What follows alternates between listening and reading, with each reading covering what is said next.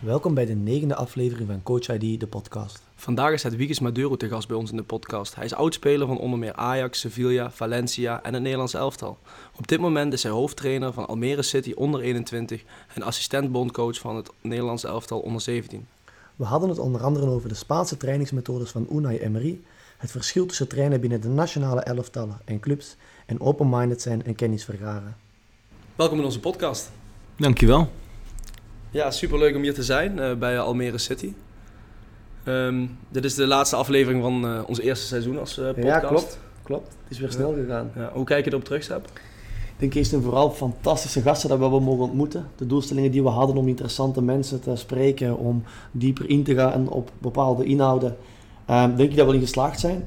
En ik denk als laatste gast nog een fantastische gast voor um, de luisteraars om nog meer kennis, ideeën en know-how te delen. Dus ook leuk dat we er mogen zijn. Dankjewel. Ja, nou, ik kijk er naar uit. Ja, super. Nee, ik denk dat uh, authenticiteit ook wel uh, bij ons heel belangrijk is in onze podcast. En uh, we hebben de laatste tijd verschillende mensen gesproken. En het is ook weer denk ik een, een ander verhaal. Um, je hebt nog een ja, redelijk recent verleden als, als voetballer. Ik ben zelf ook misschien ook op zoek naar jouw coach-ID. En je kan misschien nog wel uit beide, van, van beide kanten het hele bekijken. Dus hartstikke leuk. Ja, we hebben altijd een, een, blokje met vaste vragen. En de eerste vraag is, hoe zou je jouw coach die omschrijven? Wat is jouw identiteit? Of hoe is dat gevormd? Ja, identiteit moet ik eigenlijk nog zelf vormen natuurlijk, omdat ik heel jong ben. Um, ja, ik ben een heel leergierige coach.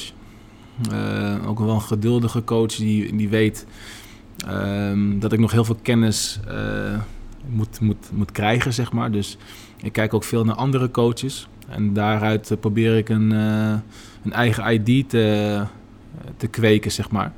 En daar ben ik nu mee bezig. Ik ben nu anderhalf jaar coach van uh, Almere City onder 21. Daarbij doe ik ook het assistentschap bij Oranje onder 17. Ik heb dat ook bij Jong Oranje gedaan en bij Oranje onder 18. Dus daaruit merk je wel dat ik aan het zoeken ben. Maar ik heb nu wel een, een idee wie ik ben en wie ik wil zijn. En uh, hoe ik wil voetballen. En zijn er specifieke mensen die je daarin mee gevormd hebben of die aan het vormen zijn op dit moment in je pad waar je van zegt, die hebben me beïnvloed of zijn me hard aan het beïnvloeden? Ja, nou als speler zijnde um, um, heb ik gespeeld onder bijvoorbeeld Ronald Koeman, uh, Danny Blind als trainer. Uh, maar vooral Unai Emery, die heb ik denk ik het langste gehad uh, als speler. Um, en bij welke ploeg was dat? Bij Valencia en Sevilla. Dus twee ploegen heb ik hem gehad. Dus Um, ja, daaruit heb ik heel veel uh, informatie uh, opgenomen. En dit, dat gebruik ik nu eigenlijk ook uh, dagelijks bij mijn trainingen bijvoorbeeld, maar ook in mijn werkwijze richting de spelers toe. dat heb ik heel prettig ervaren. dus... kan je daar misschien specifieke voorbeelden van geven van tricks die je zegt? Ja. Die, die... Ja. Was je toen al bezig met die cool na mijn voetbalcarrière en ook in het trainerschap stappen en dat je op dat moment bewust bent van ik werk hier misschien met absolute toptrainers ja. Waarvan ik nu wil stelen met mijn ogen en straks ook dingen van gaan. Ja, dat is wel een heel grappig verhaal. Want uh, ik heb een manager.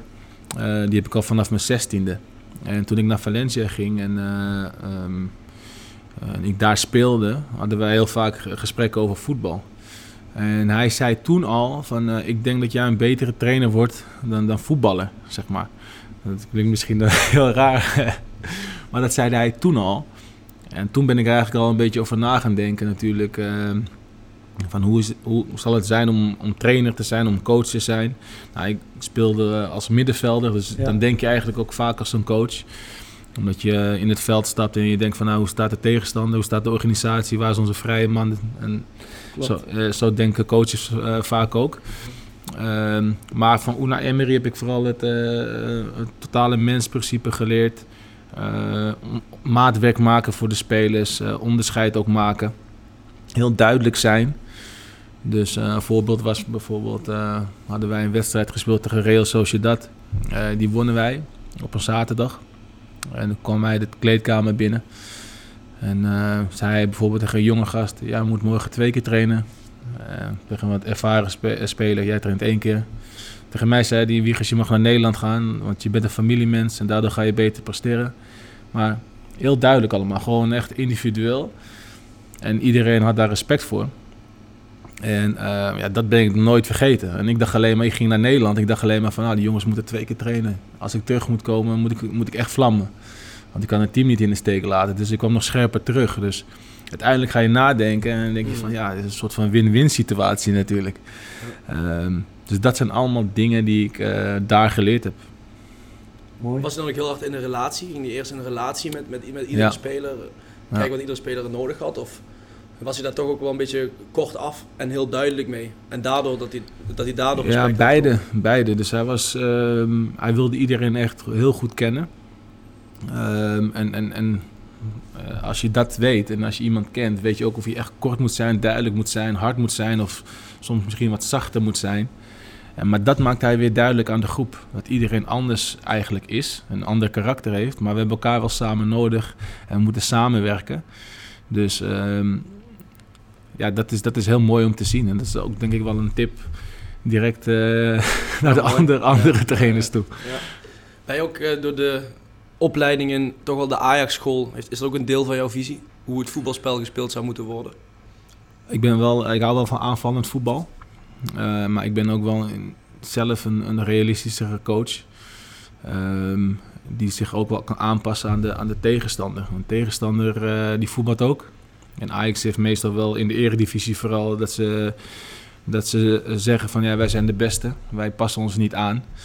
En je ziet eigenlijk wel de laatste jaren dat Ajax dat ook wel een beetje heeft gedaan in de, in de Champions League. Um, uh, door Ten Hag, door zijn principes bijvoorbeeld. Uh, en het naïef is eigenlijk een beetje weg. Um, dat vind ik heel mooi om te zien. En daarom verbaast het mij ook niet uh, dat Ajax nu heel goed presteert, ook in, in Europa. Ja. Um, ja, dus ik ben een beetje van beide. Ja. Je neemt natuurlijk een bagage mee als, uh, als oud-prof. Je hebt in verschillende landen heb je zelf gespeeld, met, onder verschillende trainers. Maar is er nog iets anders wat jou authentiek maakt of waar, waarin jij jezelf onderscheidt? Of is dat vooral die bagage uh, als, als oud-prof? Nee, ik denk um, wat mij onderscheidt is ook dat ik de verschillende uh, culturen kan uh, begrijpen, zeg maar. Ik heb in verschillende landen gewerkt. Um, ik, heel simpel gezegd, ik train nu bij Almere City. Uh, eh, 80% is multicultureel. Nou, als trainer zijn, dan moet je dus ook je, die culturen kennen. Om die jongens te eerst te begrijpen. ik denk dat ik daarin heel sterk ben. Inlevingsvermogen.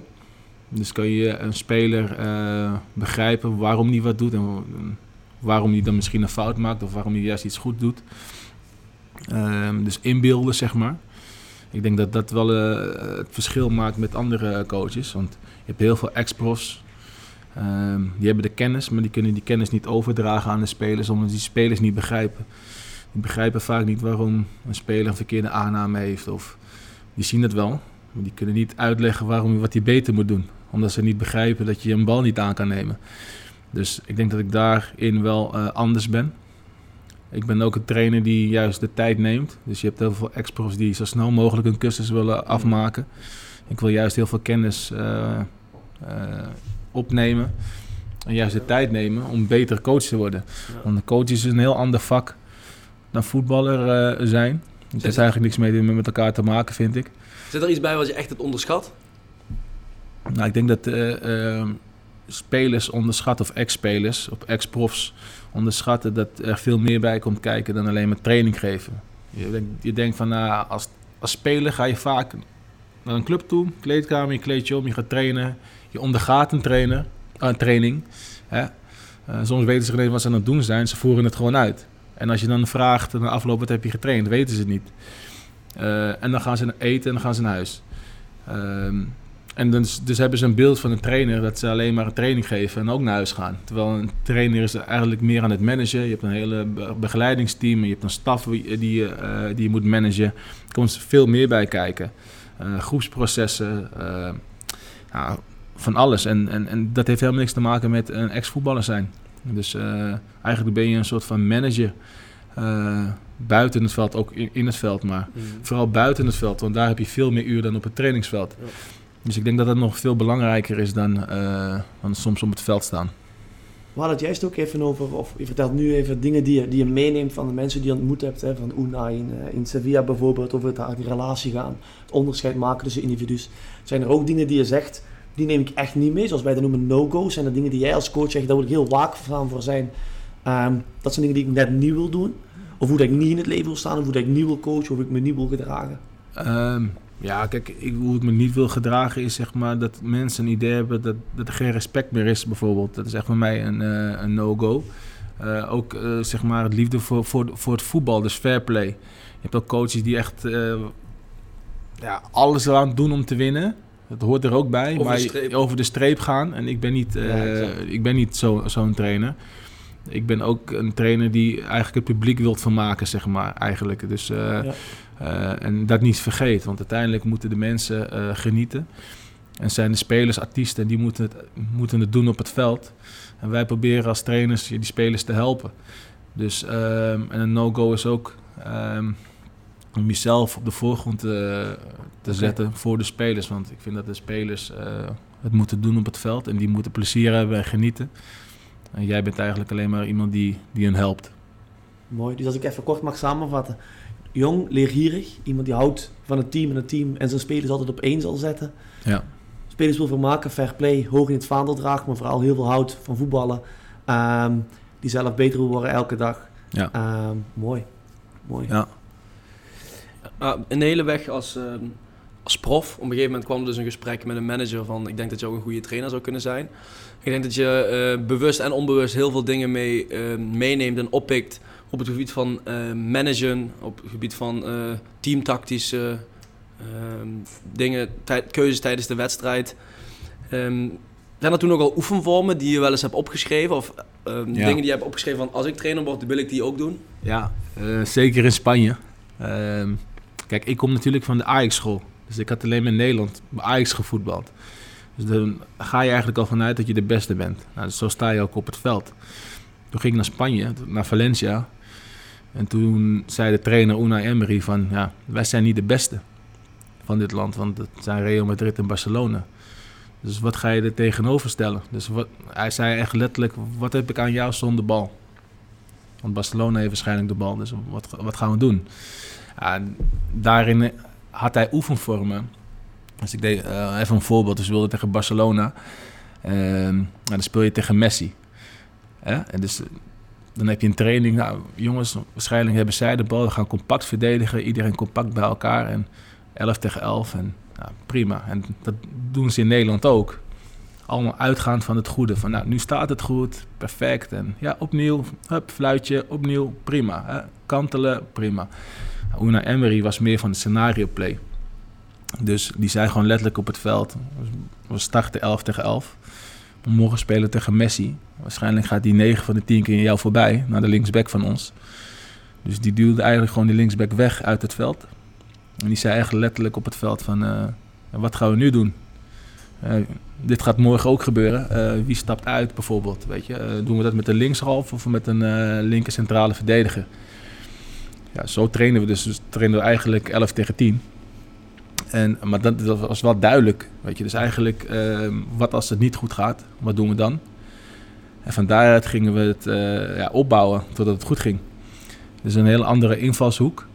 Ehm, en zo train ik eigenlijk hier ook wel meer in City. Omdat we vaak, eh, met alle respect, we zijn minder. We spelen in de eredivisie, on- onze league. Hoogste league van Nederland. Dus we spelen ook tegen Feyenoord en eh, Groningen, Heerenveen, allemaal eredivisieploegen. Eh, maar we staan wel bovenaan. En ik denk dat het eh, daarmee te maken heeft van, ja, je traint in scenario's. Wat als nou die rechtsbuiten eh, jou voorbij gaat? Of wat als, eh, als we geen druk kunnen krijgen eh, bij hun opbouw? Wat doen we dan? Ja, zo train ik ook meestal. Dat bevordert natuurlijk de communicatie onderling, de Ja, spelers. ja. Dat maakt het onbewuste, heel, of het onvoorspelbare heel voorspelbaar natuurlijk, ook Ja. voor spelers. Waar ze, elka- waar ze ehm, elkaar op kunnen wijzen op dat moment. Ja. Oké. Ehm, werd er in Spanje ook veel eh, aan de post getraind, dus ehm, zonder druk van tegenstanders? Ehm, jawel. Heel veel met de bal, wat wij deden. We deden bijna alles met de bal, ook eh, loopvormen. Al- alles gecombineerd met de bal. Maar had er ook Eh, altijd een, een, een tactisch principe of een tactisch Ja, richtpunt? Meestal wel. Dus eh, dat heb ik ook geleerd, zeg maar. Het meeste heb ik geleerd uit Spanje. Dus bijvoorbeeld, eh, je hebt heel veel performance coaches nu die zeggen, nou je moet je loopjes maken en dit eh, en een eh, 50 meter en of een 100 meter. Dat is ook wel zo, die jongens moeten die meters maken, maar waar doe je die meters? Ehm, doe je ze bijvoorbeeld gewoon van achterlijn naar achterlijn of doe je ze vanuit positie? In Spanje deden we dat vanuit positie, zodat we het veld her- herkennen. Dus op een gegeven moment lopen we allemaal hetzelfde, maar iemand loopt voor je of iemand loopt achter je. Dus de afstanden moesten hetzelfde blijven. Dan train je direct een principe van onderlinge afstanden bewaken. Klopt. Ehm, nou, dat soort dingen allemaal. Eh, bal beweegt, team beweegt, eh, weet je. Dus op een gegeven moment had je ook richting. En dan ging je naar links en dan ging je naar rechts. Of, en daarna gingen we het individueel maken. Want bijvoorbeeld een back liep meer dan een eh, rechtshalf. Dus die moest dan een extra run maken. En dat is allemaal, was, werd allemaal gekoppeld eh, met wedstrijd. ehm, eh, wedstrijdprincipes of principes gewoon. Dus ja, dat was wel mooi. En dat, vind ik... eh, En buiten, buiten taxis bestaat zo'n idee kunnen waar je daar ook in jeugdopleiding iets hebt kunnen zien. Of iets kunnen zien van in, in Spanje Ja. heel veel positiespelen op de kleine ruimte, herhaling, herhaling. ja. Daarin Ja. zie je dat, heb je dat zelf ook gemerkt en teruggezien. Ehm, Ja hoor, maar ook ehm, gewoon echt het verschil met Nederland is dat ehm, in Spanje gaat het gewoon om winnen, ook in de jeugdopleiding. Winnen, winnen, winnen. Iedereen zegt dat ook altijd. Ganar, ganar, ganar voor de wedstrijd. Het is een heel andere, heel andere cultuur. In Nederland in de jeugd praten we vaak over ontwikkelen. Ik geloof meer in beide. eh, winnen en Ja. ontwikkelen. Dus Ja. je hoeft er niet te onderscheiden. klopt. Het een is Eh, het gevolg van het Ja, ander. precies. Ja. Dus eh, we moeten niet de focus hebben, ook in de onder 18, van eh, ja, je verliest 6-0 en je denkt van ja, we zijn aan het ontwikkelen. Ja, je moet ook ontwikkelen dat ze moeten leren winnen. Ehm, en dat is in Spanje van nature van kleins af aan, maar ook Italië en Zuid-Amerikaanse landen eh, is dat meer dan eh, in Noord-Europa, laat maar zo zeggen. Dus ehm, ja, dat is wel een verschil. Maar de klein positie spelen, rondo-achtige vorm, is dat ook iets wat in jouw visie eh, zit als trainer op het Ja. trainingsveld? Ja, ik, ik doe elke dag een rondo. Elke dag. Is het dan Ja, vaak dezelfde rondo? Of is Nee, verschillend. Wel verschillend. Dus ja, ik heb verschillende rondo's. Ehm, maar ik ben vanaf dag één daarmee gestart. En gekeken vooral van eh, hoe zien zij rondo's? Eh, gaan ze elkaar willen poorten? Of zien ze dat als een klein positiespelletje? En het is langzamerhand ingeslepen. En als je ze nu ziet, of als je ze nu vergelijkt met het begin van het seizoen, is het gewoon een positiespel waarbij, waarbij ze het leuk vinden om elkaar weg te tikken. Dus dat is ook een andere mindset. Ja. Eh, beseffen van wat je, wat je aan het doen bent. Maar je hebt verschillende rondo's. Vaak heb je een ronde dat iedereen een beetje stilstaat en doortikt. Maar je, je kan ook een ronde hebben dat je na je paas even weg moet lopen. Om een stok heen moet lopen en terug moet komen. Of, of weet je. Dat je, eh, je met omschakeling eh, erbij eh, of de, erin kan verwerken. Dus dat heb ik wel gedaan, ja. We hebben, een, een paar kenmerken, inhouden of methodes gehad, hè, die je vertelt, die je toepast, die je vanuit, vanuit je eigen ervaring hebt meegenomen als het trainen van, spel, eh, van situaties als, als dan principe rondels. Zijn er nog kenmerken of eigenschappen van jouw trainingsvormen die je vandaag gebruikt bij onder 21? Is dat- Ehm, ja, kijk, ik ben best wel actief op het trainingsveld. Ehm, ehm, dus ik, doe vaak bijvoorbeeld ook een schabloonvorm. Ehm, dus eh, dat, dat, dat vergt veel van het inlevingsvermogen van een speler. Dus in Nederland merk ik vaak eh, dat ze dat gewoon zien als droog, een soort van en trapvorm vanuit positie. En, maar het gaat wel in de wedstrijd om eh, eh, welke ruimtes vrijkomen en hoe beweeg je daarin. Ehm, speel je alleen maar om het spelen of wil je echt wat creëren? En dat, ehm, daarin doe ik vaak mee. Dan speel ik vaak de tegenstander na, of boots ik na zelf, in mijn eentje. Eh, zodat zij een idee hebben van oké, ik, ik moet zelf vrijlopen bijvoorbeeld. Ehm, of ik moet in deze ruimte komen. Ehm, en dat is een heel andere denkwijze, denk ik, eh, dan alleen maar bijvoorbeeld tegen poppen spelen. En eh inspelen, laten vallen, doorbewegen, voorzet. Ja, op een gegeven moment weten ze dat wel en denken ze, dit is een paas- en trapvorm. Terwijl ze eigenlijk moeten inbeelden van, oké, zo staat de tegenstander, dit kan er gebeuren. En, Ook weer gedacht in scenario's. Ja. Wat als? ja, dus en, en dat doe ik vaak zelf, zeg maar, boots ik iets na. En af en toe ook nog met de assistent erbij, en dan kunnen we dat eh, manipuleren. Een beetje, en eh, ja, zo sta ik, zeg maar, op het veld. Oké. Hoe ziet jouw ide- ideale trainingsweek eruit? Als er bijvoorbeeld gewoon in het weekend één wedstrijd is op zaterdag. Zijn er bepaalde dagen waar je bepaalde accenten wil leggen? Ja, ehm, wat wij hanteren ook gewoon met de jeugdopleiding in het algemeen is ook... eh, dus maandag training is vaak cognitieve training. Dus veel breintraining. Dus hele complexe oefenvormen. Waarbij ze veel moeten nadenken. Ehm, dinsdag is meestal conditionele prikkel. eh, halen. Ehm, eigenlijk hetzelfde, eh, misschien soms hoger in intensiteit dan de, dan de wedstrijd. Omdat je die, die ook moet halen eigenlijk. Hè. Hoe is de Eh, intensiteit op die maandag? Want ik kan me voorstellen dat het een cognitieve overload is. Ja, Zit er toch wel een kleine conditionele prikkel aan, dat het veel in kleine Ja, je- is. ja, Met veel omschakelmomenten. Dat kan ook ook heel dat. intensief zijn. Ja, dat, dat wordt dan meestal eh, een beetje gecombineerd met, met de dinsdag. Dus eigenlijk maak je je voorbereiding op de maandag, op de dinsdag. Dus alles loopt wel over, ook, ook qua doelstelling. Eh, of, ik werk dan in principes, het komt allemaal terug in de, in, in de week. Dus maandag is eigenlijk een soort voorbereiding op dinsdag, maar wel complex. Mhm. Eh, er zit allemaal wel een idee achter. Ehm, dus ehm, dat is even het algemene eh, beeld. En woensdag is dan een soort van maatwerk. En dan jongens hebben nog school. Sommigen eh, kunnen wel naar de club komen. Of die hebben linietraining of videobeelden. eh, individuele invulling of krachttraining desnoods. Ehm, donderdag is meer teamtactisch. Ook met de bespreking richting de tegenstander toe. En vrijdag is meestal eh, de dag voor de wedstrijd spanning op de benen. Ook wel, het plan is dan duidelijk eh, hoe je wilt spelen. En er is meer frisheid eh, creëren richting de wedstrijd. Zaterdag is de wedstrijd. Zondag is meestal vrij. Dus zo delen we de week in.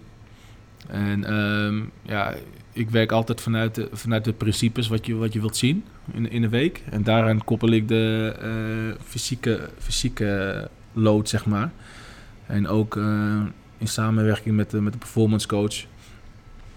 Hoeveel meters er moet eh, worden gehaald. eh, wat voor belastingen eh, eh, die jongens moeten krijgen.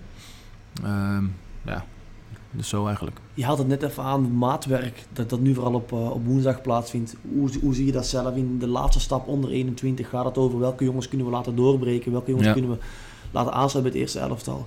Hoe zie jij jouw rol erin, of de rol van de staf van onder 21 team, als het gaat over individuele ontwikkeling? Ja, het is heel belangrijk. Eh, nou, toevallig vandaag ben ik dat juist eh, eigenlijk aan het afsluiten, bijvoorbeeld eh, op de club. Dus ik maak, er is een nieuwe hoofdtrainer. Dus ik moet ervoor zorgen dat er een hele goede overdracht is naar die hoofdtrainer toe. Voor de grootste talenten. Nou, ook mijn visie naar die jongens toe, gekoppeld met beelden. wat ik van die spelers vind. Ehm, het is super belangrijk, de communicatie vooral daarin. Ehm, dus een trainer eh, is verantwoordelijk van de onder 21 of de belofte elftal. Eh, het is een taak om zoveel mogelijk spelers eh, over te hevelen naar het eerste. Ja, en daar komt visie bij kijken, visie van de club vooral. Van hoe leid je op ten eerste? Ehm, hoe wilt het eerste elftal spelen? Is dat vaak hetzelfde als het belofte elftal? Nou, dat is dan een, heel, een grote vraag bij heel veel clubs, denk ik. Ehm, dus dat is het belangrijkste, de identiteit van de club. En daar gekoppeld de individuele eh, kwaliteit van een speler. Van oké, ehm, ik heb heel vaak meegemaakt, we leiden een speler op, een balafpakker bijvoorbeeld. In Nederland wordt die vaak eh, over het hoofd gezien. We willen allemaal de Frenkie de Jongs opleiden. Allemaal. Ja, goed aan de bal, goede paas. Maar de echte balafpakkers, die gooien we heel snel weg. Terwijl elk topteam een balafpakker nodig heeft. Ik noem het maar even een balafpakker, hè. Of het nou een Casemiro is of een Kante. Elke topploeg heeft er één. Hè? Bij PSV is Sangaré. Nu heeft Ajax eh Alvarez gehaald. Het zijn allemaal buitenlandse spelers. De vraag is, waarom hebben we geen Nederlandse balafpakker? Hè? Eh, dat is de vraag. Over, over heel Nederland. Want die jongens worden denk ik vergeten in de jeugdopleiding. Nou, Of niet genomen, omdat ze niet technisch op dat genomen. moment nog niet op dat Precies. niveau zitten wat ze graag Precies, willen dus eh, ik probeer altijd in profielen te denken en spelers. En, maar dat is ook weer gekoppeld aan de visie van de club. Wil, wilt het eerst zo spelen? Ehm, en van daaruit pas kan je echt maatwerk maken voor die spelers. Van oké, jij bent eigenlijk zo'n speler. Dit zijn je hoofdkwaliteiten en hier gaan, gaan we werken. En dit zijn je verbeterpunten. Ehm, want dit gebruiken ze ook in het eerste elftal. En jij bent eigenlijk die. Dus ehm, ja, zo werk ik eigenlijk. En eh, ik probeer dat zo duidelijk mogelijk te, te maken. Ja, als ik dat ehm, kijk naar het Duitse voetbal, eh, dat zijn ook wel twee discussies die, ook wel in, die ze bij nationale teams herkennen, maar ook wel talenten die doorbreken. Aan de ene kant is ehm, persoonlijkheden. Er zijn toch heel veel spelers die, die, die vochten aan opvallen of gescout worden. Dynamische spelers, technische spelers. Ze zijn veel met randzaken bezig. Ze willen zichzelf ook een beetje vermarkten online. En daardoor word ik heel vaak persoonlijkheden die, zo sterke persoonlijkheden die misschien qua talent ehm, niet op datzelfde niveau zitten, worden misschien wel vaak over het hoofd gezien en worden nu, krijgen nu nog minder de kans om zich dan tijdens de jeugd te ontwikkelen tot een, tot een speler die toch op technisch niveau ongeveer op datzelfde level kan komen. Ehm, dat is denk ik één ontwikkeling in het voetbal. En ehm, vroeger was vaak, zoals je net ook al zei, een controleur was vaak op 6. Ja. Ja, en ehm, dan was het vaak een, eh, de goede voetballer. Die speelde tussen de linies iets hoger op het middenveld.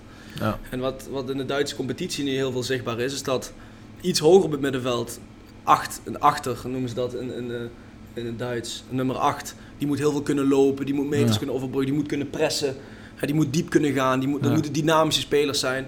En eigenlijk de, de, de goede voetballer, die is nu vaak één positie daarachter gezet. Die moet het spel maken, die moet achter de bal ophalen, die moet kunnen opendraaien in, enge in, in kleine ruimtes. Maar daar is dus ook die type speler controleur, die het eigenlijk daar eh, eigenlijk vaak gespeeld heeft. Ja. Ehm, die komt steeds minder voor. En dat, dat, dat ziet men ook in het, in het Duitse voetbal. Ja. Als je, dan, als je daar aan gekoppeld, en dan misschien snel de, laten we het even de balafpakkers weggooien. Wat is, wat is de leeftijd waarop je begint na te denken of te kijken naar profielen? Hè? Ik begrijp misschien als je Ja. snel in een, in, een, in een selectieclub zit waar het gaat over wie selecteren we. Ja. Dat je zegt, deze jongens zijn nog niet vaardig, eh, ongecontroleerd, niet gestructureerd. eh, Ja. bal botst veel te snel weg, passing, foute snelheid, foute richting. Ja. In hoeverre ga je kijken, ah, maar dit kan misschien later een balafpakker worden. Dus misschien is de vraag, wanneer begin je met naar profiel te kijken? Ja, ja ik denk eh, als je kijkt bijvoorbeeld naar de KNVB in oranje, de oranje teams, meestal van de onder 16, kan je al een beetje al een idee hebben van oké, wat voor type eh, speler het is. Onder 17 sowieso heb je bijna, er begint het EK-ploeg. Ehm, en je hebt heel veel voorbeelden van jongens van 17 die al weten, eh, die al eh, debuteren in het profvoetbal. Dus dan moet je eigenlijk al, je hoeft nog niet klaar te zijn, maar dan heb je wel een idee van een, van een, speler waar die kan spelen en hoe die kan spelen. En zelfs dan kan, je, kan die je nog verrassen op andere posities. Maar eh, vaak in die leeftijdsklasse kan je wel, kan je wel iets zien. En ehm, het hangt natuurlijk allemaal van de trainer zelf af. En eh, hoe hij naar voetbal kijkt. Hè? En, en dat is ook nog wel altijd een valkuil. Van, eh, ehm, kijk, ik hou ook van mooi, mooi voetbal, aanvallend voetbal. Dus het kan een, een probleem zijn als ik alleen maar mooie aanvallende voetballers wil in mijn team. Klopt. Maar ja, eh, vaak eh, Dus wil je een aantal biasen die, die, Ja. die een foute bril voor onze ogen houden. Die Ja. we houden niet van dat type speler. Zoals Ja, we, krijgen, we hebben één referentiematch waardoor we misschien wel denken dat die net het Ja. wel is. Terwijl die misschien op dat moment gewoon een goede wedstrijd eh, speelt. Er zijn een aantal biasen die denk ik die onze een Ja. bril voorhouden. Waardoor we misschien niet altijd juist selecteren. Ja. Misschien altijd juist kijken naar potentie. Of, ehm, ja. maar misschien daar een gekoppelde vraag is, misschien ah voor mij iets actueel waar ik vandaag wel veel mee bezig ben, is hebben jullie misschien binnen Almere een, een model dat potentie in kaart probeert te brengen, waar jullie data mee verzamelen, objectief, subjectief, om een soort score te krijgen of zo? Ja, dat is meer met eh, eh, de afdeling talentontwikkeling. Eh, die werkt daar wel mee, probeert daar... eh, nou, we hebben heel veel profielen hebben we bij elkaar gebracht. En het is... Ja, we proberen het wel, maar soms is het natuurlijk niet mogelijk. Maar we proberen wel een speler zeg maar, daarin in te plaatsen. En we hebben bijvoorbeeld, eh, we noemen een- één profiel de artiest. Of eh, de balveroveraar, de architect. Dus niet echt eh, nummers, of dit is een 6 of een 8. Het is Maar meer zeg een maar, aantal kenmerken van gedragingen op het veld. Ja, en, en, daaraan, en daarin hebben we zeg maar scorekaart. Maar er staat bijvoorbeeld skills bij, tactiek, patroonherkenning, eh, voeding, school, rust. Zeg maar allemaal onderdelen waarbij een speler een score kan halen. En ook zijn eigen ontwikkeling kan zien. En eh, dat proberen we ehm, ja, in kaart te brengen. Zichtbaar te maken voor de trainer zelf. Maar ook naar de speler eh, zelf toe. Van nou, wij vinden je nu hier, eh, maar je kan hier naartoe groeien. En hieraan moeten we werken. Zodat het ook wel zichtbaar is naar een speler. Oké, mooi. Ik denk dat je op dit moment een hele mooie mix hebt van eh, een, een vast onder 21 team en ook een eh, rol als assistent bij een nationaal team. Ik denk dat in de benadering naar een team toe en ook naar spelers toe dat er wel een, een verschil in zit. Je, hebt, Ja. eh, je, je bent zelf jeugd international geweest en international geweest. Ik denk als trainer van de nationale ploeg, je hebt veel minder tijd om een, een team klaar te stomen. Vooral een onder 17 die, die ook Ja. een EK gaan spelen. Met jongens die bij de club allemaal verschillende speelwijzes hebben. Natuurlijk wel overlappende principes hebben. Maar eigenlijk jongens van verschillende clubs die je samen moet brengen tot één team. Hoe heb je dat zelf als speler ervaren? Dus die, die voorbereidingsperiodes op zo'n, op zo'n activiteit met nationaal. En eh, wat neem je misschien daar nu in mee als, als trainer? Um, nou, ervaren zelf. Waar dat Foppe de Haan bijvoorbeeld als, als coach uh, bij, bij Jong, de Jong Oranje. Uh, Marco van Basten was toen bondscoach bij het Nederlandse elftal. Nou, ik, ik, pendelde een beetje daartussenin hè, als speler. wat ik dan heb meegenomen was dat Foppe de Haan altijd het familiegevoel hoog had staan. Dus wij hadden bijvoorbeeld echt een, een soort van vriendengroep die wel keihard moest werken op de training.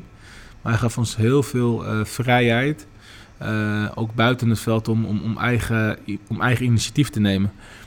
Uh, en vaak rond die leeftijd is het zeg maar 9 uur ontbijt en dit en dat en dan training en dan moet je dat doen en dan heb je een studie en dan heb je dat. En op, hij was wel nog een trainer die zei van hoe zien jullie het zelf? Hoe willen jullie de dag zelf invullen? En uiteindelijk besloot hij het zelf natuurlijk, maar hij gaf zeg maar wel het gevoel van hé, hey, eigenaarschap. Ja, we kunnen dit ook zelf bepalen. En op de trainingen deed hij natuurlijk alles zelf. Maar dat gevoel kweken uh, is super belangrijk, omdat je, wat jij zegt, heel kort bij elkaar bent. Dus als jij dan in hele korte tijd leert samenwerken en, en ook durft te zeggen, nou, wat vind jij eigenlijk ervan? Wil je om negen uur ontbijten of half tien? Dus je wordt gedwongen om met elkaar in overleg te gaan over belangrijke zaken. Uh, dat vind ik heel mooi. En uh, uh, ik denk dat het ook wel helpt in de ontwikkeling. Want als jij als speler alleen maar voorgeschoteld krijgt een schema en je voert het uit, dan ben je bijna een robot. Terwijl je aan het ontwikkelen bent. En uh, zelfs op dat vlak ehm, kunnen spelers, denk ik, trainers wijzer maken. Of, of, of je kan direct het gevoel peilen van een speler waar je nooit aan heeft, hebt gedacht. Bijvoorbeeld, stel je voor iemand wil in één keer bidden of zo, qua religie denk je van, oh ja, nou, misschien moeten we een kwartier later starten. Ik noem maar wat op, hè. Ja. Dus dat zijn allemaal uh, vormen van uh, bepaalde denkwijzes die belangrijker zijn. Ja. Want ook als het maar een paar dagen zijn, aan de ene kant wil je spelers in kaart brengen, om spelers ook te kunnen beoordelen um, bij de nationale ploeg. Ja. Het gaat natuurlijk ook om uh, ontwikkeling eigen speelwijze. Ja. Um, en misschien wordt dan ook nog een lichte aanpassing gemaakt afhankelijk van wat de tegenstander gaat doen. Ja. En um, het vervaardigt misschien dan wel dat je te veel wil gaan doen en te veel informatie wil geven in een te korte tijd. Ja. En ik denk wel dat dat, uh, ja, dat dat wel een stuk anders is als bijvoorbeeld bij een Almere City. Want in hoeverre kun je met, een, met, zijn, met zijn nationaal team al in scenario's gaan praten en, en trainen? Ik denk dat dat, dat lastig is. Ja, het is heel lastig. Uh, het is bijna onmogelijk wat ik, wat, wat ik nu heb gezien ook. Want spelers uh, komen dan binnen bij de KNVB. Die hebben op verschillende dagen gespeeld. Dus soms, soms uh, moet je je melden op maandag. Nou, één speler heeft op zondag gespeeld, die andere zaterdag, die andere op vrijdag. Dus eentje moet harde training, die andere zit nog in hersteltraining. Nou, vaak is die wedstrijd soms al op een woensdag. Hmm. En dan, uh, dan heb je dinsdag een dag voor de wedstrijd. Terwijl niet iedereen uh, eigenlijk 100% kan trainen. Maar je moet wel eigenlijk teamtactisch moet trainen. En dus uh, waar ga je je aandacht aan besteden? Zit je meer in het aanvallen of het verdedigen? Nou, vaak koppel je al dus bijvoorbeeld, uh, uh, dus je komt maandag aan dat je een training hebt in het verdedigen. Dus je zit je training zeg maar zo in te, in te na te maken, zeg maar, om één speler moet in hersteltraining zitten, maar hij mag heel weinig doen, maar hij moet wel in het verdedigen zitten. Eén speler moet juist meer doen. Hoe gaan we dat samen voegen? Hoe komen, de, hoe komen we bij elkaar? Doen we positioneel iets? Weet je, waar je eigenlijk bijna niet hoeft te lopen. Mm. Maar wel duidelijk is hoe we gaan verdedigen. Dus zo zit je met elkaar te praten, omdat je gewoon heel weinig tijd uh, hebt. En als de, de, de groep wat langer bij elkaar is, is dat makkelijker. Omdat je dan kan herhalen en je kan beelden laten zien van dit hebben we eigenlijk al gedaan. Maar zoals je ook weet, uh, veranderen uh, per interlandperiode wel eens, uh, wel eens wat. Dan komen er weer nieuwe spelers dan begin je eigenlijk weer opnieuw of je, je werkt zeg maar door. Maar die nieuwe spelers moet je dan ook wel weer in je speelwijze weten te betrekken, in je visie. Dus dat is wel een opgave. Dat maakt natuurlijk de, de interland zelf, de wedstrijd, wat natuurlijk wel uh, normaal gesproken ook wel zo is, maar dat maakt het by far het beste leermoment. Ja. Dat is vaak de enige keer dat ze in de maximale intensiteit met elkaar kunnen spelen en leren en bespreken en analyseren. Ja, nee, zeker. ik denk ook dat de KNVB of de bond eh, moet eigenlijk ook hele duidelijke principes hebben. Dat als een speler eh, en kernwaarde, dat als een speler wordt opgeroepen, dat hij precies weet ongeveer eh, er wordt zo gespeeld. En dit wordt van me gevraagd. En dan kan je, heb je ook direct een goede terugkoppeling naar de club toe. Van nou oké, weet je, bij, de, bij Oranje speel je zo. En ook naar de trainer van de club. Hè. Die, kan, die kan dan zeggen van eh, ehm, na een balverlies zetten, zetten jullie direct druk. Maar bij onze club zakken we in, bij zo spreken. Hè. Ja. En dat dat heel duidelijk is eh, richting de speler toe. Want anders zie je heel vaak van, eh, dat de speler dat niet weet. En dan zegt hij van ja, maar bij de Oranje eh, moeten we druk zetten direct. En dan heb je al miscommunicatie. Dus ik denk dat het kaderen heel, heel, heel belangrijk is. eh, richting een speler, dat je ook onderscheid daarin maakt. En ook de tegenstander, hè, want die speelt natuurlijk ook mee. Dus verschillende speelsystemen. Super goed voor de ontwikkeling. Dus eh, ik vind dat altijd wel heel interessant. Ja, mooi. We hebben een eh, spel, dilemma's. Yes. Hier liggen vier kaartjes. Ja, ik Ehm, zie het. Yes, het is al een tijdje. Ehm, en we ons op voorhand niet omdraaien. We hadden het een klein beetje aangeboden, maar gezegd laat het een... eh, Nee een joh, ik doe mee met het spel. Voilà, top. Dus ehm, kijk, kies maar een kaartje. Er staat altijd een dilemma op, een of-of. We gaan je meteen verplichten, je moet eerst antwoorden. Je mag niet vanaf het begin de grijze zone pakken, dus je moet echt het een of het ander zeggen. Ja. En dan mag je eventueel wel de grijze zone aanvallen en onderbouwen. Ik ben benieuwd. Even kijken, misschien hebben jullie in, in de maling genomen. Ik denk, ik pak deze gewoon. Even kijken. Er staat offensief of defensief. Nou, ik ben offensief. Oké. Moet ik dat ook uitleggen direct? Graag, Ja, yes. ik, ben, eh, ik hou van aanvallend voetbal. Oké. Eh, ook om eigen initiatief te nemen. Ehm, ik ben niet... Wat ik wel mooi vond, in het begin heb je gezegd, want toen dacht ik al meteen die dilemma, is je bent wel realistisch. Iets wat je Ja. direct in het begin van de podcast Ja. direct toevoegde. Ja, dus ik kijk naar de tegenstander. Maar ik kijk vooral naar de kansen. Waar liggen mijn kansen eh, binnen mijn principes daarin? Dus eh, ik heb respect voor de tegenstander, zeker als de tegenstander sterker is. Maar zelfs als een tegenstander sterker is, kunnen wij in ons kracht komen. Dus ehm, ik benader het altijd zo. En dat- dat werkt prima. Dus eh, ik ben wel een offensieve trainer. Die niet, eh, ehm, die niet naïef is, zeg maar. Dus als ik weet dat een tegenstander heel goed is in de druk, druk zetten in een bepaald gebied, zoek ik dat gebied niet zo gauw op. Heb je coaches gehad dan, die als voetballer bent tegengekomen die heel defensief waren ingesteld, die altijd uitgingen van de tegenstander? Ehm, Of heb jij het- nou, het- ja, in Griekenland, Griekenland meer. Eh, meer eh, vanuit de omschakeling, maar dat vond ik ook prima. Want dat was dan ook een eh, methode waaruit wij veel doelpunten scoorden. Vanuit een gesloten organisatie, een omschakeling, worden heel snelle spelers. Dus als je daar het resultaat boekt, geeft dat ook weer kracht. En ik vind dat mensen, en zeker de kijker en, en de luisteraar, ook moet weten dat er Iedereen zegt voetbal bestaat uit eh, aanvallen, eh, verdedigen en omschakelen. Nou, als een, een land of een, een club bepaalt dat, eh, dat het verdedigen prioriteit heeft en de bus parkeert, dat hoort ook bij voetbal. En dat is ook voetbal. Misschien is het niet leuk om te zien, maar ik kan het altijd waarderen. En het is aan de andere, andere partij of ander team maar ja, de, de, de taak om daar doorheen te komen. En ja, iedereen heeft zijn eigen speelwijze, dus dat is allemaal prima. Top, duidelijk. En als voetballer zelf? Wel, Ik was eigenlijk precies hetzelfde, dacht ik. Dus, maar ik moet wel zeggen, ehm, toen ik naar Spanje dus ging, toen zei Unai Emery tegen me van... eh, eh, wat is domineren voor jou? Wat betekent dat? Toen zei ik wel van, ja, zoveel mogelijk aan de bal zijn, eh, kans creëren en de, de helft van de tegenstander spelen. En toen zei hij van, denk je dat je niet kan domineren zonder bal? En dat is een hele, weer een hele andere invalshoek. Dus hij zegt van, nou, als je goed verdedigt en de tegenstander heeft de bal... En je dwingt ze expres een kant op. En je lokt ze naar een kant.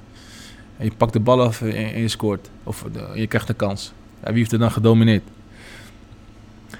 Ja, dus dat is dan even... Die, li- zet hij me wel aan het Ja. denken. Want daarna hebben we met Valencia we, eh, ook gewonnen van Barcelona op zo'n manier. Nou, dat is 80% de bal. Maar ze creëerden niet echt veel. En ja, wij, wij wel. Twee keer. En we scoren één keer. Dus ja, dus wie heeft er dan gedomineerd? Iedereen zegt van ja, Barcelona heeft de bal gehad. Ja, maar ze hebben geen kans gecreëerd. Het klopt dat ze de bal hadden, ja. Ja. Maar, dus dat is wel wat in Nederland vooral denk ik eh, wel een ding is van eh, nog het balbezit. Ja. Het wordt wel wat minder, moet ik zeggen hoor. Dat mensen beseffen dat balbezit niet heilig is. Ook, de dilemma Eh. offensief of defensief. Ehm, ik denk dat de meesten het zou interpreteren aanvallen of verdedigen. Maar je kan ook offensief verdedigen. Ja, ja Dus precies. precies eh, Precies, en, eh, maar dat doe ik eigenlijk. Ook met Almere City eh, onder 21. Dus vaak eerste drukmoment eh werkt niet, maar tweede wel. In Nederland willen ze allemaal opbouwen. Dus als je dat weet, ja, kan je dus offensief verdedigen inderdaad. Dus ballen veroveren, lokken. Weten dat ze die bal daar gaan spelen en die bal veroveren, daar sta je voor het goal bijvoorbeeld. En, eh, Ja.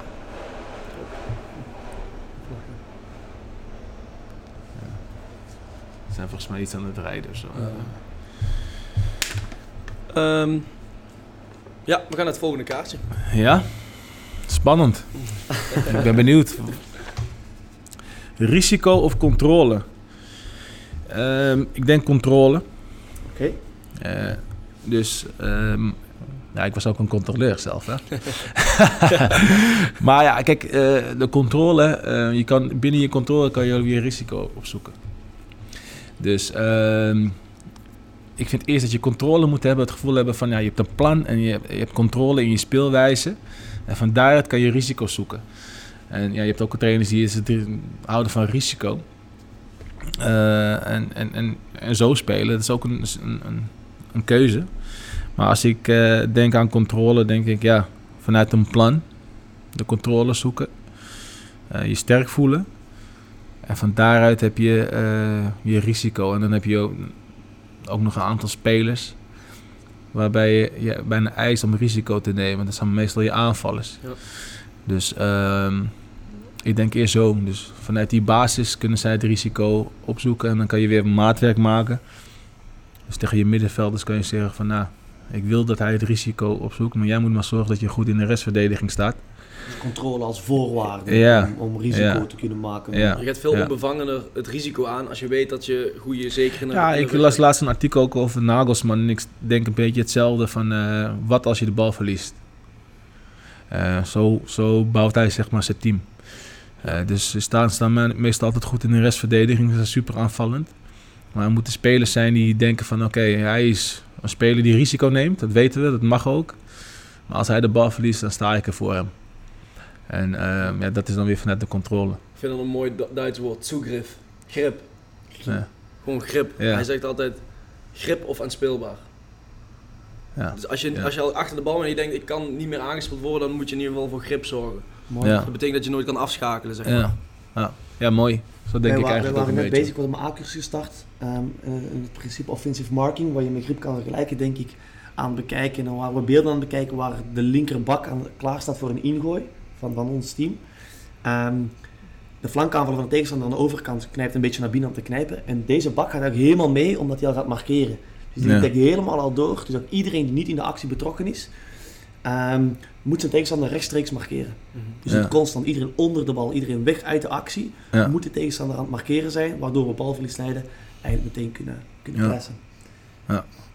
Ja, dat is ook zo'n eh restaanval. Ik weet niet of dat eh, Ja. in het Nederlands Ja. heel veel wordt gebruikt. Ik gebruik het wel. Ja. Ja. Zeg maar ontwikkelingsspelers. Ja. In het Duits noemen ze dat, noemen ze dat zo. Zeg maar spelers markeren die in de ontwikkeling van het spel betrokken zouden kunnen worden. Eigenlijk die opties afknijpen. Ja. Ja. Vaak zie je eh, dat, dat, dat de spitsen of buitenspelers die zetten dan druk. Eerste drukmoment, maar je, je, je wint bijna nooit dat eerste duel. En dus vaak lopen spitsen door, want dan hebben ze druk gezet, worden ze uitgekapt. En dan denken ze, dat doen ze niet meer mee. Maar dan veroveren ze achter je de bal en sta je buiten spel, zeg maar, een buitenspelpositie. Dus je moet eigenlijk telkens continu twee of drie acties hebben. Dus je zet druk, kom je weer in positie en dan krijg je de bal, eh restaanval. Mhm. En kan, sta je voor het goal om te scoren. Dus ja, dat is wel een, het is ook een denkwijze. Ja, want vaak is het lastige is om dan de diepteloopacties eh, op te vangen. En ehm, nadat zeg maar, die ontwikkelingsspeler vrij kan opendraaien of zonder druk Ja. kan kaatsen. Ja. Ja, dus dat is eigenlijk de sleutel vaak om die diepteloopacties ook eh, nutteloos te laten lijken, zeg maar. Ja, Oké. Twee kaarsjes nog. ja wat spannender. Kennis of ervaring? Ja, ik- mag ik ook beide kiezen? Eerst moet je moet- Eerst, ik moet er eentje kiezen. Ja, nu kennis. Kennis. Eh, ik- wil zoveel mogelijk kennis. eh, ehm, ik, ik zie mezelf als een spons, zeg maar, een beetje. Dus ik wil zoveel mogelijk kennis en ik wil weten hoe een trainer denkt en hoe hij het heeft ervaren eigenlijk als trainer. En dan komt ervaring vanzelf uh, met de tijd. En ik ben super jong. Ehm, maar de kennis uh, is, is, super belangrijk. Uh, je moet eens weten um, wat er gevraagd wordt. wat komt erbij kijken, nogmaals, over het managen. Kennis. Die, die kennis heb ik niet. Uh, eigenlijk, kijk, de beste coaches hebben vaak een, een opleiding gedaan als, als, als leraar. Of die weten hoe ze voor een groep moeten staan, hoe ze moeten communiceren, hoe ze moeten presenteren. Want dat doe je continu. Je moet informatie overbrengen. Hoe doe je dat? Eh, wat voor taal spreek je? Wat pik, pikken de jongens heel snel op qua taal, qua videoanalyse? Um, ja, dus dan, dat, is, dat is de kennis die je moet, moet hebben, uh, vind ik. En daarin ben ik me uh, aan het ontwikkelen. Daarom doe ik ook die cursussen.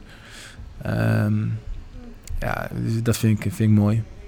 mooi. Dus je hebt allemaal puzzelstukjes die je eigenlijk langzaam samenvoegen bent tot een, tot een puzzel. Ja. Zowel in kennis vaak als ook ervaring. Ja. Maar ik denk dat uh, ervaring... een vorm van kennis is. Oh, ja. ja, precies. En je moet ook uh, fouten durven maken en, en, uh, en, vooral leren van die fouten. Zeker als je jong bent. En daarom moet je het ook niet te snel ergens instappen, omdat je dan, dan mis je die ervaring en die kennis mis je vaak. En dat doen ex-profs heel erg, omdat ze ook die aanbieding krijgen vaak van ja, wil jij coach worden? Ja, ja, als je denkt van ik kan dat, doe je het natuurlijk. Maar dan is de staf weer heel belangrijk. En als je geen goede staf hebt die die kennis en ervaring wel heeft, ja, kom je in de problemen. Um, we hebben genoeg voorbeelden uh, gehad de afgelopen periode van, Nederlandse coaches. Waarbij ik vooral kijk van, nou, ze hebben eh, de voetbalkennis wel als speler. Maar hebben ze de kennis en de ervaring in, je staf zitten. Um, dat wordt wel eens onderschat, denk ik ook. Je staf samen, samenstellen. Zeker als je naar het buitenland gaat. Uh, vaak nemen trainers je eigen, eigen assistenten mee. En die kennen de hele cultuur niet uh, van die club waar je, waar je terechtkomt. Um, dus dat is super belangrijk.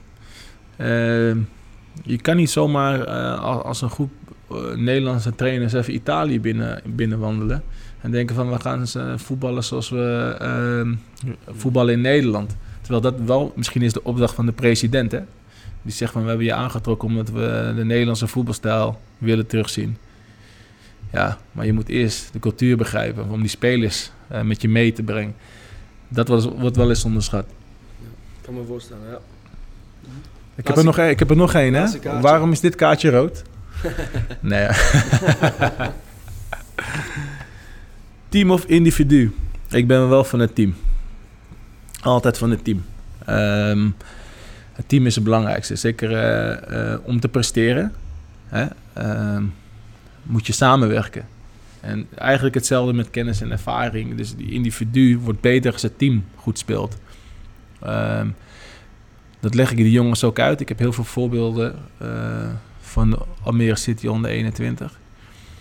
Um, iedereen zei voor, vooraf aan het begin van het seizoen van we moeten kijken of we een puntje kunnen pakken en of we niet snel degraderen. Dat was een beetje de tendens. Um, ja, we spelen nogmaals met Feyenoord, Groningen, Heerenveen, uh, NEC, allemaal eredivisieploegen. Dus verreweg underdog. Dus eigenlijk vanaf het begin uh, dat benoemd. We zijn de underdog, maar dat wil niet zeggen dat we, dat we minder dan de rest zijn. Ik zeg, als we als team presteren, uh, komt het individu naar boven. Maar eerst als team. En we zitten werken aan principes, principes, principes, principes. Team. Op een gegeven moment vertrouwen, haal je ook resultaten. En je, ziet, um, en je zag vooral een heel proces beginnen, ook rondom het team heen. Dus mensen die eerst niet kwamen kijken, ook intern binnen de club, die kwamen in één keer kijken. En denken van, hé, hey, we winnen 3-0 van Feyenoord, hoe kan dat nou? Ja, uh, we winnen 4-0 uh, van, uh, van NAC, we winnen 5 van NEC. Ook met grote uitslagen. Dus omdat het team goed stond, gingen mensen naar het individu kijken. Nou, je jongen voor het eerst in Oranje onder 19 op de lijst. Nooit gebeurd bij Almere City. jongens krijgen contracten. Zijn zes jongens hebben een debuut gemaakt in de A-selectie. Dus nu kan ik zeggen, als het team goed presteert, komen de beloningen individueel ook. En geldt dat binnen alle leeftijdsgroepen of zie je daar een Nou, kijk, nee, dat is wel, denk ik, als je bij de lagere leeftijdsgroepen is het individu wel belangrijk, omdat ze nog heel veel moeten ontwikkelen. Ook ontwikkelen in, in, in bewegen. Gewoon echt gewoon in het sporten überhaupt in het algemene zin. Hoe beweeg je? Hoe val je op de grond? Hoe spring je? Uh, motoriek komt daarbij kijken. Dus daar kan je meer zitten op het individu. Maar je moet wel weten als individu dat je een teamsport speelt. Dus dan is het, uh, dat moet je ook benadrukken. En dat zie je ook altijd in de leeftijdsvorm. Hè. Vaak is het eerst techniek, hoe neem je een bal aan, hoe schiet je. En op een gegeven moment weet je dat wel. Maar op een gegeven moment moet je ruimtes herkennen, hoe ouder je wordt. En ik denk, um, het niveau wordt bepaald door spelintelligentie. Um, hoe snel zie je ruimtes? Uh, Xavi, zelf een heel groot voorbeeld als voetballer. Alleen maar ruimte scannen van oké, tegenstander staat zo, hier, wij komen hier vrij. Deze speler komt vrij, ik moet de ruimte trekken, ik kom zelf in die ruimte. Hoe snel zie je dat? Um, hoe snel je dat kan lezen, hoe beter je wordt. En hoe meer spelers je daarin in een team hebt. En dan kan je één keer gaan raken. Zoals Barcelona. Die had uh, Iniesta, uh, Busquets op het middenveld. Die, die wisten uh, alles al van tevoren. Um, dus hoe hoger je komt, is het team telkens belangrijker. En uh, die beloningen komen dan pas echt. Uh, voor individuele spelers. Voor individuele spelers, Ra ja. Uh, um, Ralf Rangnick, laatst ook in een interview gelezen. Die zegt ook, um, het komt nooit voor dat individuele spelers zich heel goed ontwikkelen in, in een team waar het niet loopt. Ja. Zeg maar individuele prijzen, spelers die transfers afdwingen naar andere clubs. Ja, nee, die ik in de spotlight komen, dat zijn altijd in teams waar het goed tot redelijk goed loopt. Ja, nee, ik heb ook uh, aan, aan, die jongens, uh, jongens verteld. Um, kijk eens om je heen gewoon. In het begin van het seizoen, kijk eens om je heen. Ik zeg, we zijn met z'n... We zijn alleen hier. Ik sta voor jullie. Niemand is komen kijken naar de training. Niemand. Ik zeg, als we presteren als team, gaan jullie het verschil zien. De wedstrijden. Scouts komen kijken. Scouts, buitenlandse scouts, binnenlandse scouts. Alleen maar omdat het team aan het presteren is. En het is, werkt heel simpel in het voetbal. Als jij een team hebt en je bent underdog en je staat bovenaan. denk je scout van nee, ze zijn iets aan het doen daar. Dat is logisch toch? Maar dat komt pas als, als, je, als je als team presteert. Als je onderaan staat. Ja, en je, scoort eh, als nummer 10, scoor je de 5. Dan denk je van ja, onderaan, ja, 5. Dat maakt niet uit. Kijk wel maar een ander team. Zo werkt het eenmaal. En nu zie je een soort van uh, bewustwording ook van... oké, als we als team presteren... dan kan ik een contract krijgen. Of dan kan ik debuteren in de A-selectie. Of dan word ik geselecteerd voor Oranje onder 19. Dus dat is ook weer een, een, een, het kweken van besef van dat je elkaar nodig hebt. En dat gebeurt meer bij de oudere, oudere jeugd... omdat je daar echt moet presteren. Dan de jongere jeugd. En dat vind ik het mooiste. Daarom vind ik mezelf ook meer passen bij uh, wat oudere jeugd... dan jongere jeugd. Oké. Okay. Top. Leuk spel, toch? Ja, nee, zeker. uh, dus waarom is er een vijfde kaart? ja, we moeten natuurlijk een beetje denken in de tijd. Alleen, uh, ja. ja. ik denk dat gewoon dilemma's, uh, denken wij dat gewoon mooie discussies op gang kan brengen. Ja. Natuurlijk zijn er heel veel grijze gebieden. Ja. Um, daarom ook dat Sepp nadrukkelijk zei, eerst kiezen, maar daarna wel uitleggen. Want het heeft altijd wel met elkaar te maken. Of je ja. kunt, um, ze verbinden of er is een bepaald percentage. Ja. Um, nee, top. Ja, we hebben nog twee uh, vaste items. Um, de eerste is een uh, gouden coachtip. Dus dat is bijvoorbeeld een oefenvorm of een regel voor op het trainingsveld. Een, een tip voor omgang met spelers en de benadering. Dat kan ja. eigenlijk uh, alles zijn. Ja, ik denk um, ken de culturen binnen, de, binnen je club en binnen, binnen het team. En met culturen bedoel ik ook echt gewoon, waar komt die jongen nou vandaan? Hoe uh, wordt hij benaderd thuis? Uh, weet dat als coach, want dan weet je ook hoe jij een speler moet benaderen. Um, dat is denk ik wel een gouden tip, omdat je heel veel coaches, uh, iedereen hetzelfde, terwijl je dat eigenlijk niet kan. Je kan iemand keihard in de groep aanpakken, terwijl het een heel trots persoon is. die kan je misschien beter individueel aanpakken. Ja, heerlijk. dat soort dingen moet je weten als coach, vind ik. en dat wordt wel eens onderschat, denk ik ook. En de, en de laatste is een aanrader. Zijn er dingen, je bent zelf hard bezig met kennis vergaren, podcast luisteren. Je hebt er ook ja. twee van ons geluisterd trouwens. Ja, ja. Um, zijn er nog andere podcasts, boeken dat je zegt voor coaches, jonge coaches, mensen die bezig zijn om zichzelf verder te ontwikkelen, die zou je um, moeten horen? Nou, kijk, weet je, tegenwoordig heb je veel op, op, op Netflix ook. eh, je playbook bijvoorbeeld van coaches. Ik weet niet of jullie dat Ja, kennen. Dat vind ik altijd top. interessant. Eh, om andere eh, coaches te zien praten, hoe zij een groep hebben eh, beïnvloed. Ehm, nou, je hebt tegenwoordig ook op Netflix die van Italië. Ik weet niet of jullie die hebben gezien. Ja. Ja. Dat vind ik ook, zeg maar, intern hoe... Hoe zo'n ja, groepsdynamiek. Hoe, groepsdynamiek, dat- ja. Groepsdynamiek, eh, dat zijn allemaal dingen. Dus daar hou ik me bezig mee. Dus eigenlijk zeg ik kennis vergaren. Zoveel mogelijk kennis pakken. Mooi. want je pakt er en je, en je leert er altijd wel wat van. Dus wat je ook zegt, ik heb jullie podcast ook eh, een paar keer geluisterd. Dus, dus eh, ik weet ook precies eh, wat andere coaches denken en hoe zij werken. En dan zit ik toch na te denken in de auto van, oh ja, ja hier heb ik niet aan gedacht. En dat moet je wel, denk ik, hebben als coach. Ik denk dat Louis van Gaal, de beste coach is, Guardiola, die blijven ontwikkelen. Hoe oud ze ook zijn. Ik denk niet dat ze naar onze podcast luisteren. Nou, je weet maar nooit, hè? Je weet maar nooit, hè? Misschien nu nog niet, maar eh, misschien op een dag zitten ze ook eh, tegenover jullie. En zo moeten jullie ook denken. Het is ook maar het begin, dus eh you never know. Ja, het zou mooi zijn. Ja, zeker. Ik denk dat wij er heel erg van genoten hebben van deze aflevering, fijne aflevering. Als laatste afsluiter wensen iedereen ook gewoon denk ik een fantastisch jaar. Als jullie aan het luisteren zijn. Ja. Maar ook aan, aan jou, dankjewel. Graag gedaan. Deze fantastische podcast. Graag gedaan. Super bedankt. Jo.